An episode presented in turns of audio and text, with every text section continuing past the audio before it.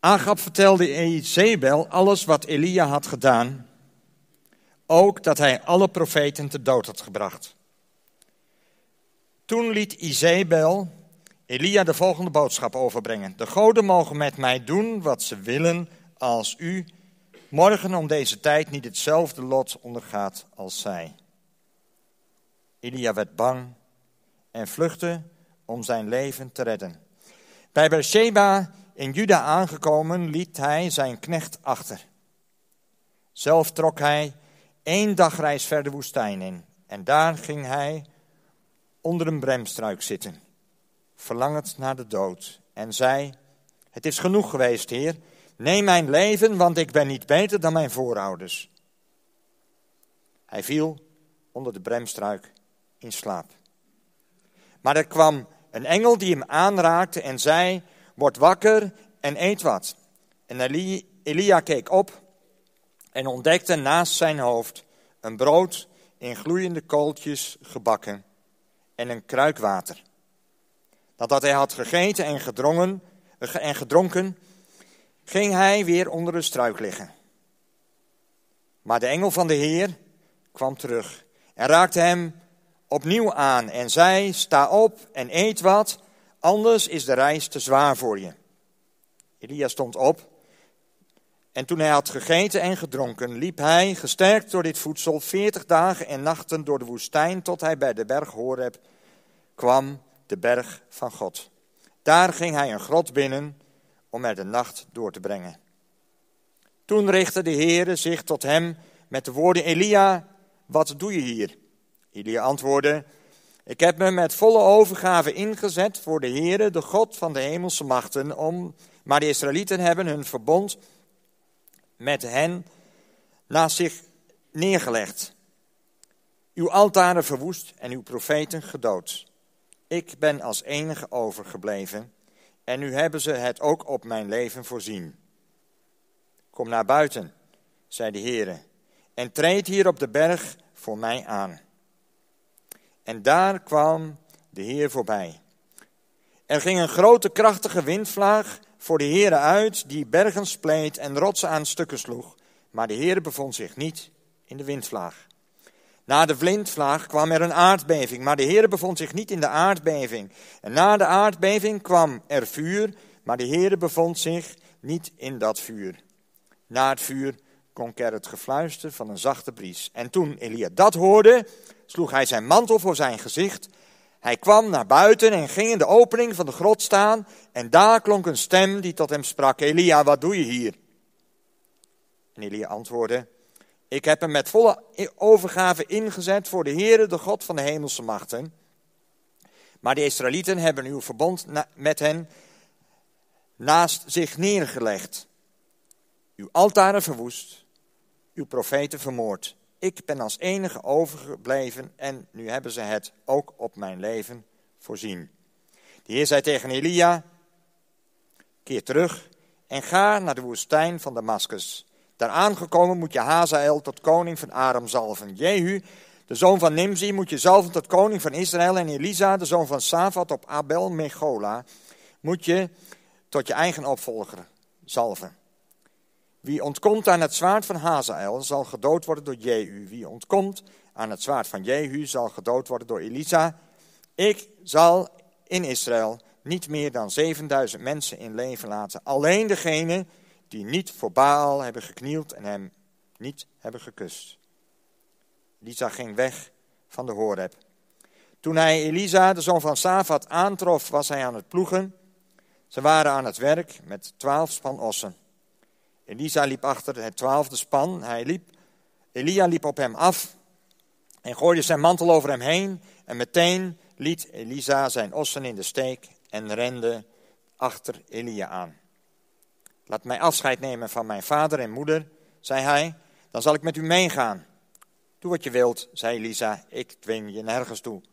Elisa ging terug, slachtte zijn ossen, braadde het vlees op het hout van, van hun juk en bood het zijn knechten aan. En daarna ging Elia. Daarna ging hij met Elia mee als zijn dienaar. Wat hebben we met elkaar in de afgelopen anderhalf jaar een lastige tijd gehad. We hebben allemaal te maken gehad met lockdown, sommigen met werk, eh, wat eh, niet meer ging. Ze konden niet meer naar het werk. Anderen werden getroffen door COVID-besmetting. En terwijl het juist voor corona zo mooi ging. We genoten van het leven.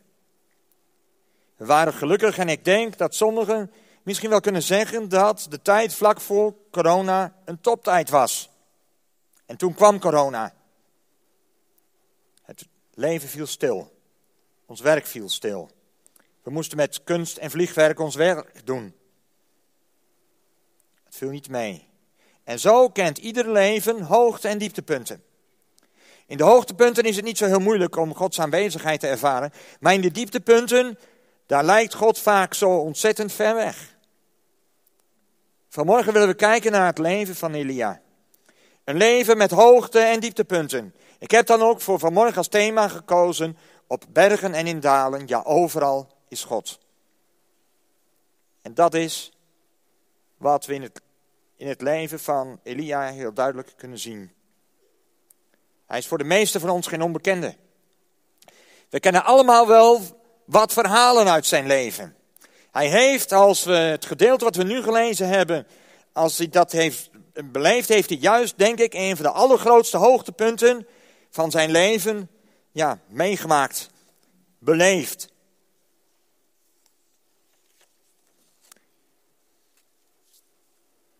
Het is misschien wel het meest bekende verhaal, wat de aanleiding is voor de reactie van Izebel, zoals we dat in het eerste vers lezen. Hij was met de Baalpriesters een soort van weddenschap aangegaan. Om zijn manier van leven te begrijpen, moeten we weten dat hij een profeet is. De kerntaak van een profeet was het volk wijzen op hun zonden en waarschuwen voor datgene wat er in de toekomst gebeuren zou. Waarschuwen voor de straffen waar God het volk al voor had gewaarschuwd. Vlak voor het volk het beloofde land ja, in zou trekken, waarschuwde God het volk. Door Mozes nog één keer het volk te laten toespreken.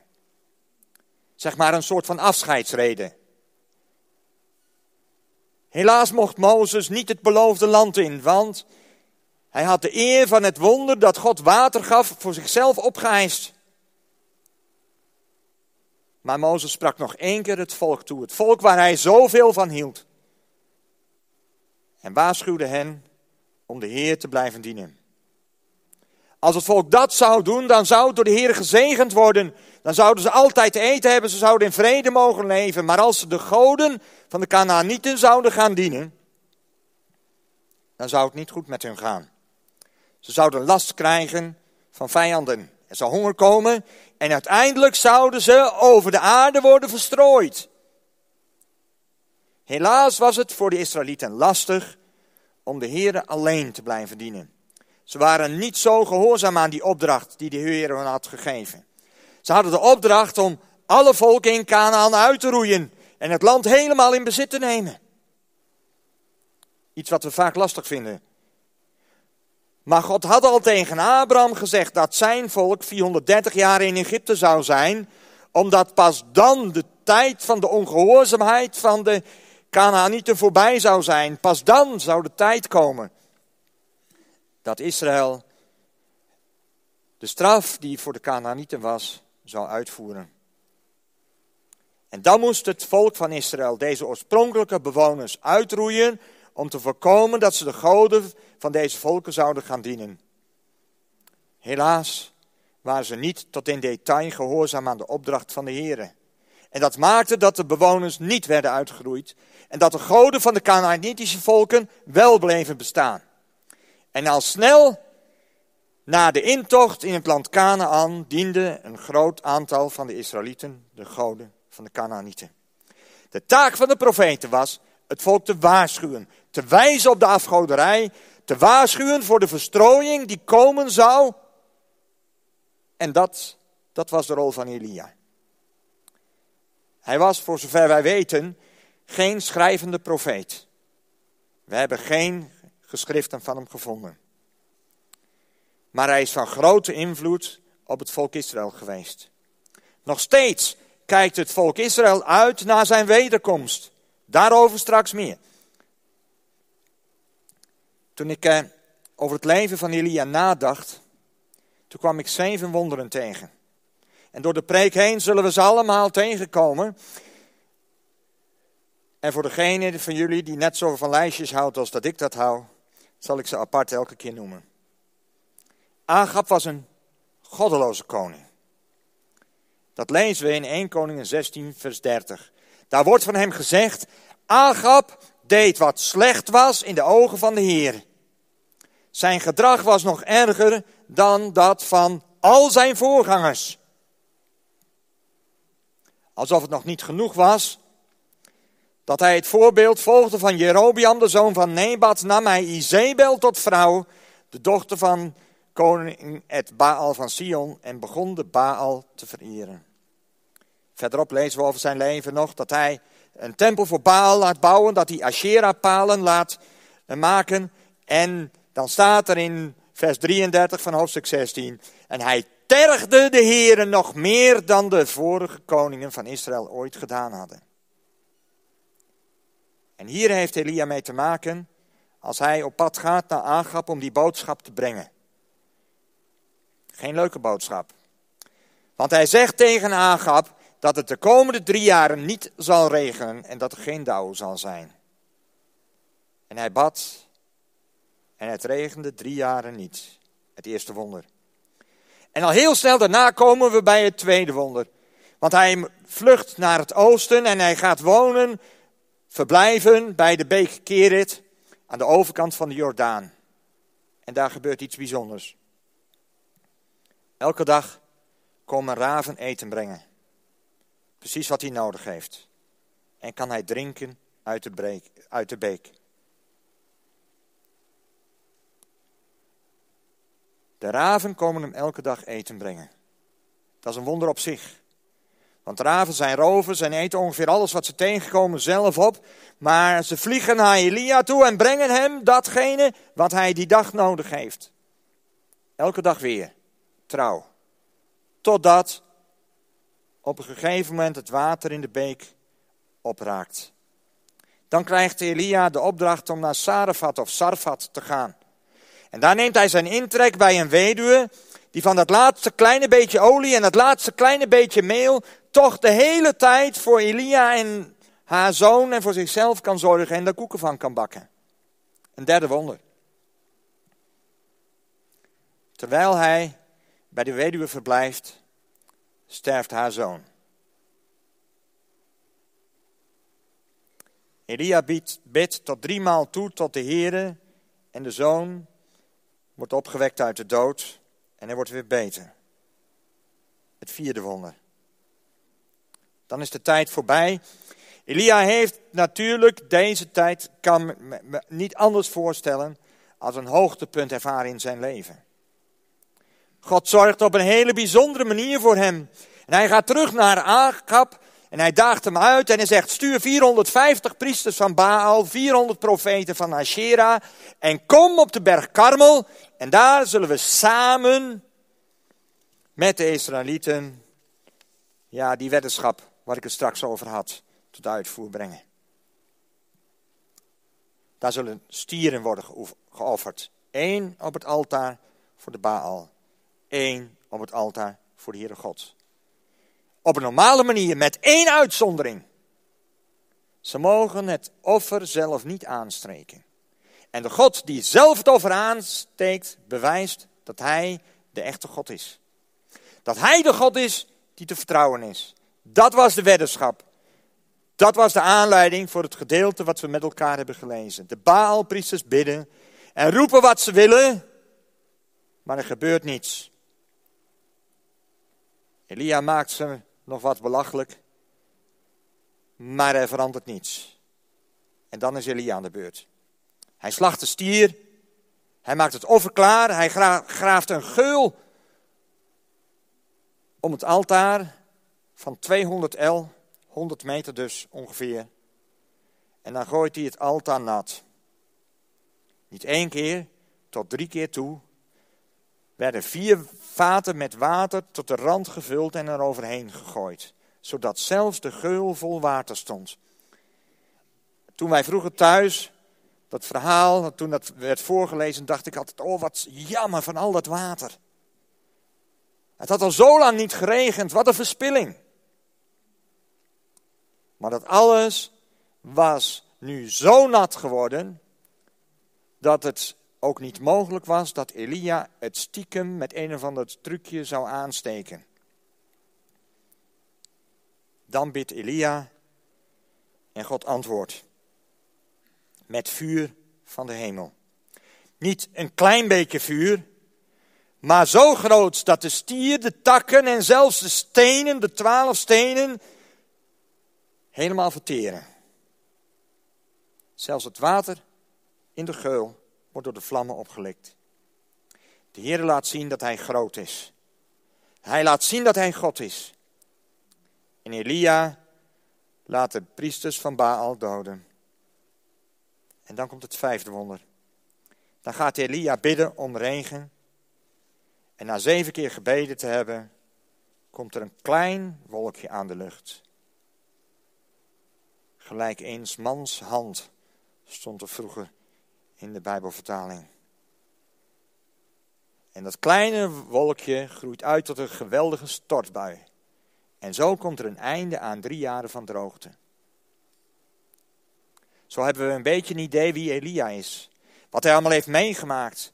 En na deze lange inleiding, dat realiseer ik me, zijn we aangekomen bij het gedeelte wat we gelezen hebben. Op al die hoogtepunten hebben we gezien dat de Heer dicht bij Elia was.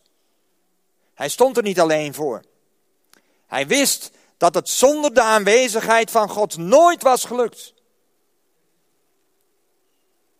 Sterker nog, zonder die aanwezigheid van God was hij vast niet eens gegaan. Hij heeft grote dingen mogen doen. Maar als Agap dan thuis komt,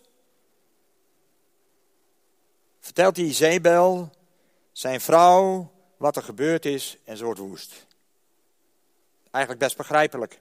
Het waren haar priesters, haar profeten die zij had meegebracht. En dat raakte haar. En ze laat Elia een boodschap sturen.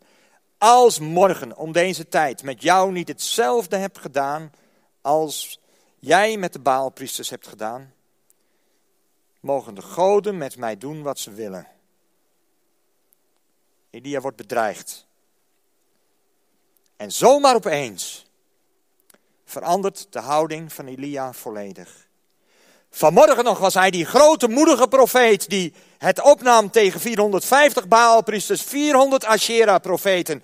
En midden tussen het volk, wat eigenlijk allemaal aanhangers waren geworden van Baal en Asherah, ging staan. Om daar te vechten voor de belangen van de Heer.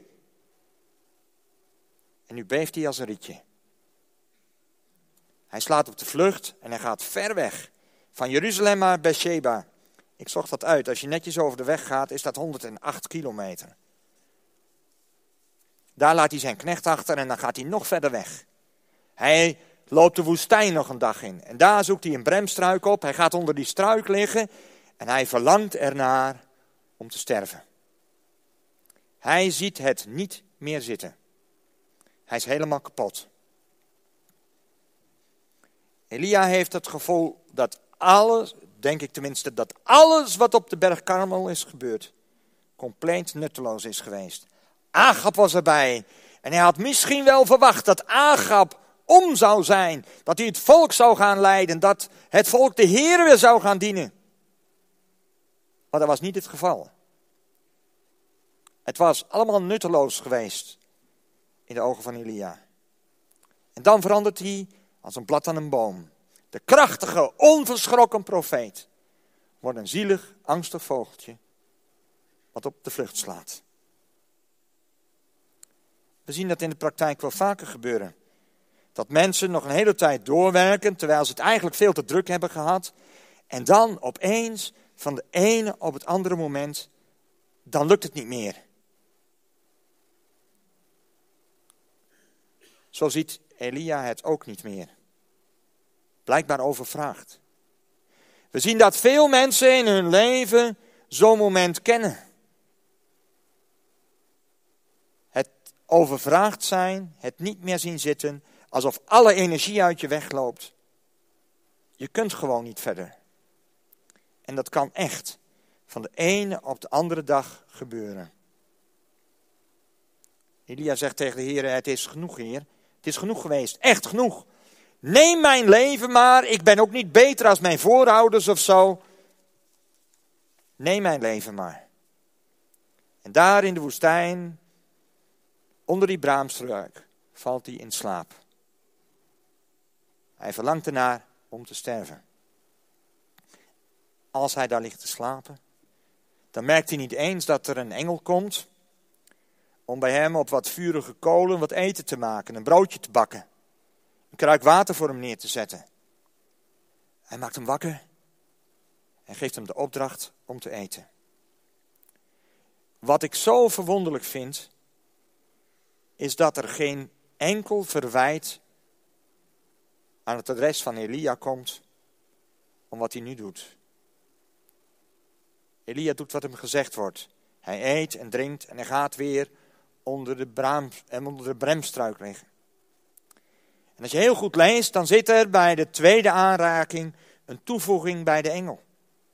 Ik las dat vanmorgen pas toen ik opnieuw het Bijbelgedeelte doorlas. Dan wordt daar gesproken over de engel van de Heer. Als we de engel van de Heer in de Bijbel opzoeken, dan komen we dat eigenlijk altijd tegen als een soort van voorverschijning van de Heer Jezus zelf. Hij zegt opnieuw: eet, drink. Maar hij gaat ook een stap verder en hij legt hem uit ook waarom hij dat moet doen. Hij moet eten en drinken, want hij moet op reis. Als hij niet zal eten en drinken, dan zal de reis te zwaar voor hem zijn. Ik herken dat zo. Als je het in je leven te veel is geweest en je gaat naar de huisarts, dan krijg je een advies, een, een soort van standaard advies. Sta op, tijd op, leef regelmatig, eet gezond, doe wat aan sport en beweging. Nou, eigenlijk is dat wat Elia doet. Hij eet, hij drinkt en hij gaat op reis, op weg naar de berg van God, de Horeb, de berg waar God zich ooit openbaarde aan Mozes, hem opriep om het volk te leiden in de bevrijding uit Egypte. De berg waar de Israëlieten 50 dagen na de uittocht de wet kregen. De berg waar God een ontmoeting met Elia heeft. En wat moet die reis door die woestijn helend geweest zijn? Als je thuis komt te zitten omdat het te veel is geweest, dan krijg je het advies om te wandelen. Op de een of andere manier loop je dan je hoofd leeg. Elia loopt, en hij doet een flinke wandeling, want hij loopt 40 dagen en 40 nachten om bij de berg Horeb te komen, om uiteindelijk God te ontmoeten. Om nieuwe kracht op te doen. Zo ging ook Mozes die berg Horeb op, 40 dagen en 40 nachten, om met, het volk te uh, om met de Heeren te spreken, om voorbereid te worden om het volk te leiden. En hij had het volk al leren kennen als een lastig volk. Maar op die berg wordt hij door de Heeren gevormd om klaar te zijn voor die taak. Het lijkt het meest waarschijnlijk dat Elia deze periode vastend heeft doorgebracht. Want hij moest op weg gaan om te eten, omdat hij anders de reis niet kon volbrengen. Zoals we dat bij de Heer Jezus zien. Bij de verzoekingen in de woestijn. 40 dagen, 40 nachten vasten om verzocht te worden door de duivel. Waarschijnlijk lag die berg Horeb trouwens niet in de Sinaï-woestijn, maar ergens in de bergen van Saudi-Arabië. Hebben we wel eens een preek over gehoord van Joop Striepman. Een geweldige wandeltocht. Wat goed om de natuur in te gaan, om je gedachten op een rijtje te zetten. Sommigen die lopen langs het water, dat vinden ze heerlijk. Anderen zoeken de bossen op, weer anderen de woestijn op, zoals Elia.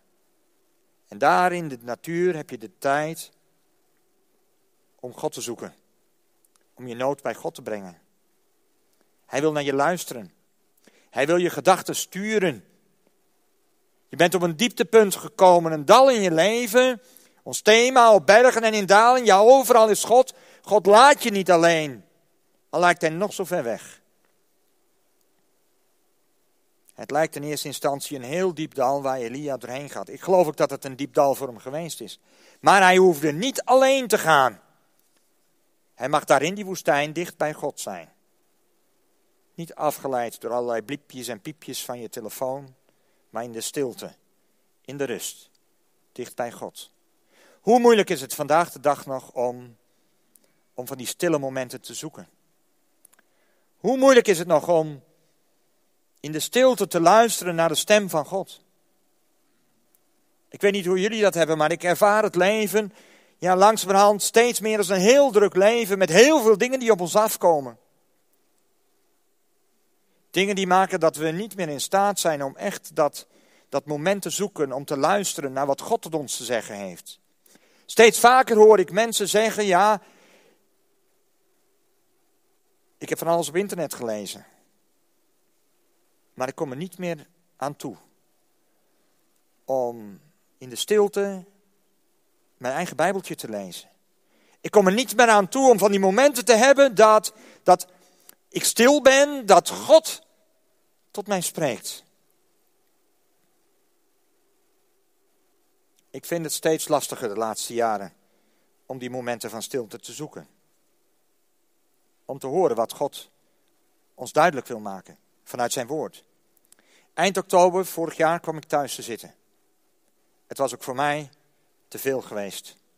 De omstandigheden waar ik in leefde maakten dat ik compleet zonder energie kwam te zitten.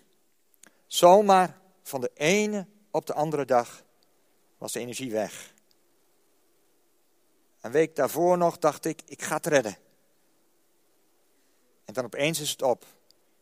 Dan leef je in de gedachte van ja, even een paar weken een beetje bijrusten, een beetje bijslapen, dan gaat het wel weer. Want dan blijkt de klap groter te zijn dan je zelf doorhebt.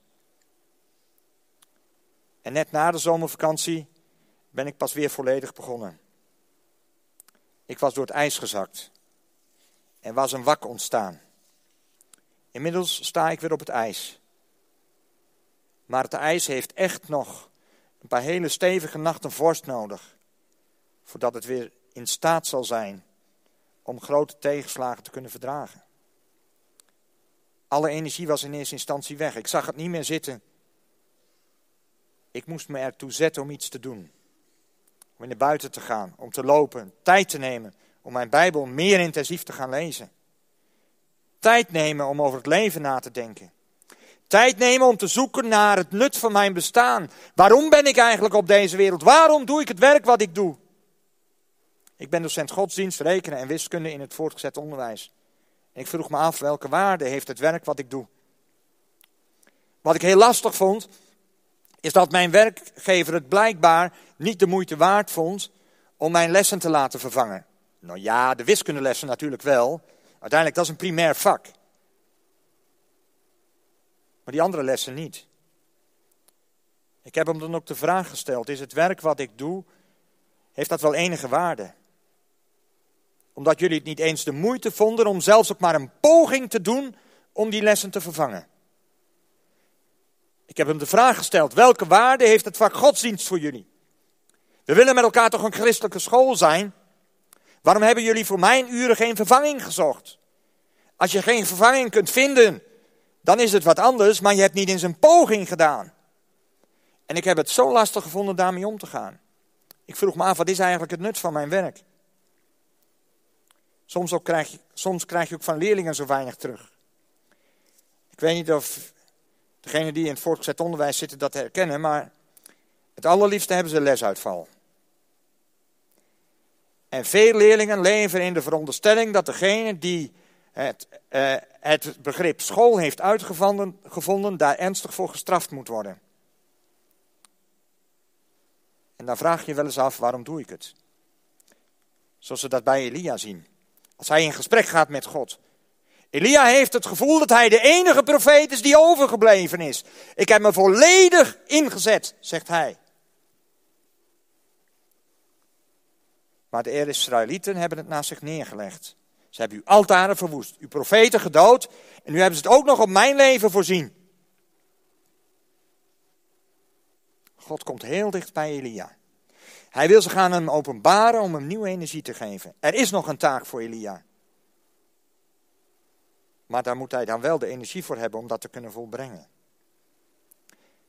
God verschijnt aan Elia om hem te bemoedigen. Eerst komt er een hevige storm. Maar in die storm, daar is de Heer niet. Dan komt er een aardbeving en ook in de aardbeving is de Heer niet. Dan komt er vuur en bliksem en ook daarin is de Heer niet. Allemaal natuurverschijnselen die in de dagen van Elia aan Baal werden toegekend. En dan, dan verschijnt de Heer in het gefluister van een zachte bries. En dat herkent Elia blijkbaar. Hij treedt naar, uiteindelijk op als profeet en heeft in het verleden vast met zo, met, van zulke soort intieme ontmoetingen met God gehad. Hij hoort de zachte bries en doet de mantel voor zijn gezicht en gaat uit de spelonk naar buiten. En nu weet hij het. God is hier. Hij is hier voor mij. En God vraagt hem dan: Elia, wat doe jij hier?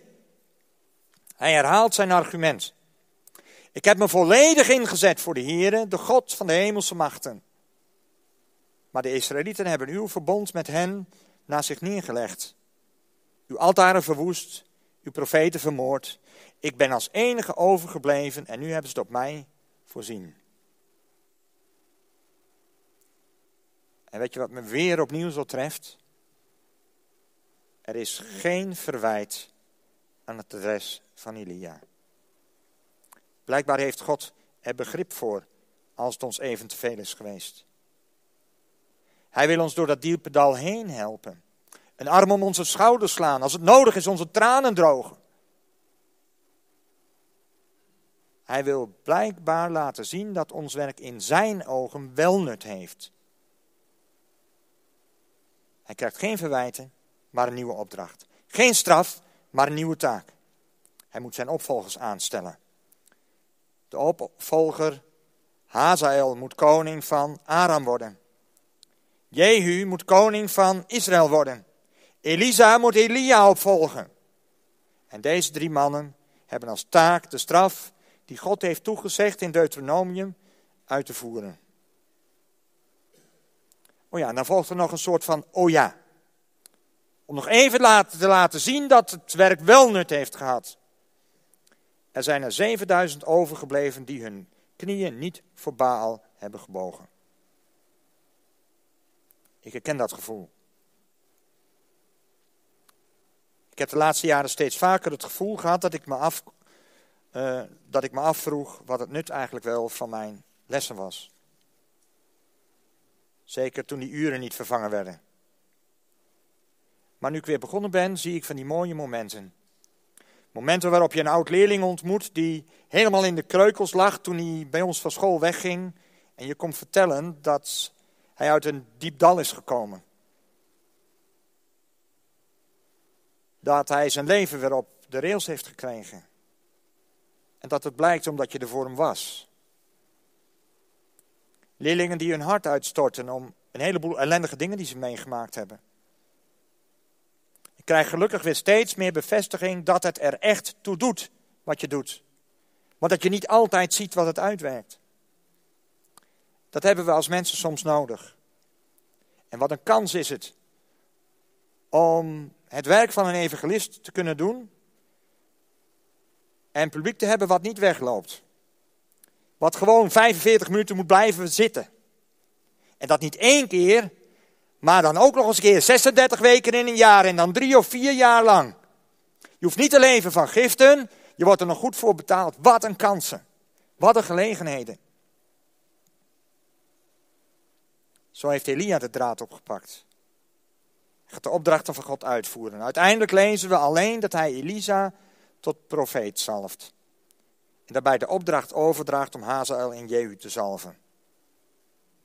Elisa wordt gezalfd tot profeet. En dan zien we in de verdere beschrijving van zijn leven dat hij weer gewoon aan het werk gaat. Hij spreekt Agap aan over de wijngaard van Nabot. Het voert veel te ver om dat uit te leggen. Als Agap uiteindelijk sneuvelt in de oorlog tegen Aram, wordt hij opgevolgd door Agasja. En dan zien we het volgende wonder in het leven van Elia. Het zesde wonder. Houdt in dat Elia, die zich bemoeit met het leven van Agasja, uiteindelijk wordt, uh, een poging wordt gedaan om hem te arresteren. Agasja was uit het raam gevallen en hij wil weten of hij het uiteindelijk overleeft. En daarom stuurt hij boden naar Ekron om de god Baal Zebub te raadplegen.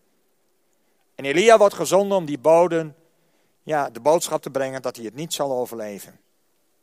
Agasja wil hem laten arresteren en tot tweemaal toe komt hij vuur uit de hemel om een overste met vijftig mannen te doden, omdat ze komen om hem te arresteren. En dan lijkt er een einde aan het aardse leven van Elia te komen. Daar hebben we het eerder over gehad. Dan zien we dat zevende wonder. Hij staat op het punt naar de hemel te gaan.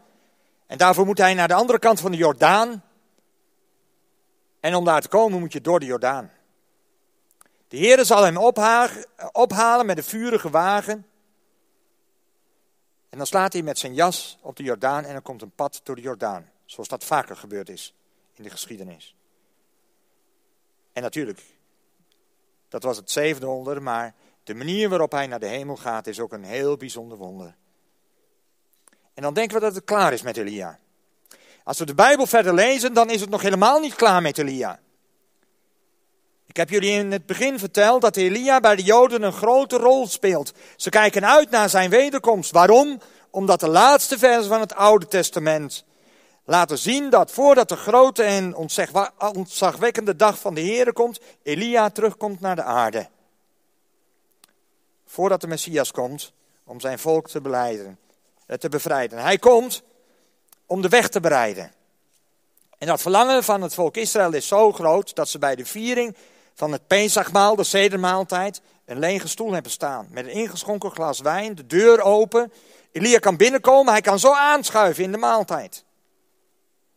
En als we de start van het evangelie van Marcus lezen, dan zien we dat daar eigenlijk gezegd wordt dat Johannes de Doper de beloofde Elia is. De Heer Jezus die zegt op een andere plaats over Johannes, en voor wie het geloven wil, deze was Elia die komen zal. En is het dan klaar? Nee, dan is zijn leven nog niet klaar. Want dan zien we hem ook nog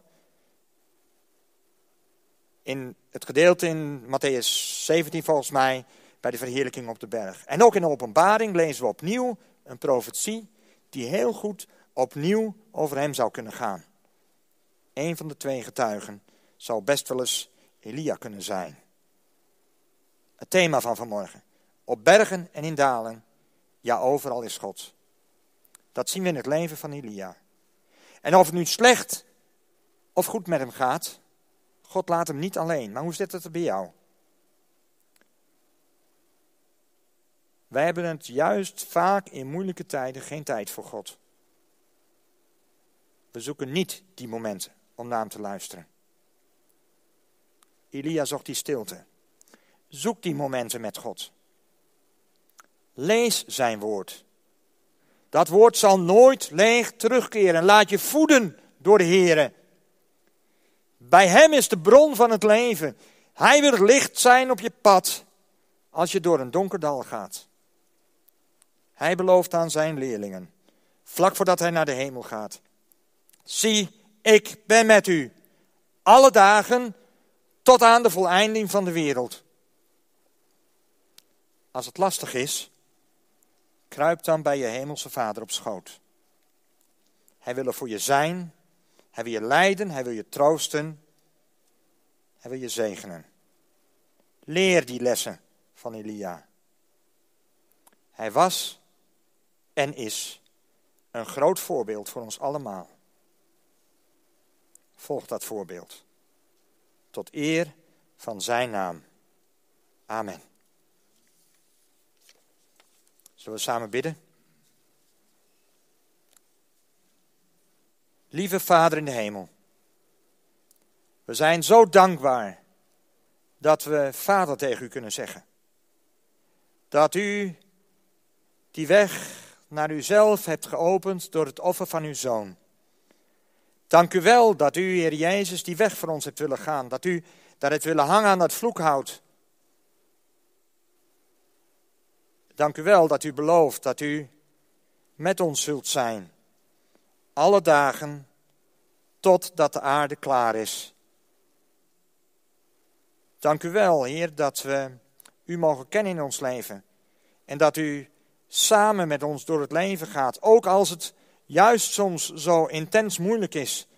Om alles wat er op ons afkomt, om alles wat we meemaken, om de mensen die we verliezen, om, om, om, om de strijd die we hebben op ons werk, om de moeite die we hebben in het leven. Gewoon omdat het te veel is geweest.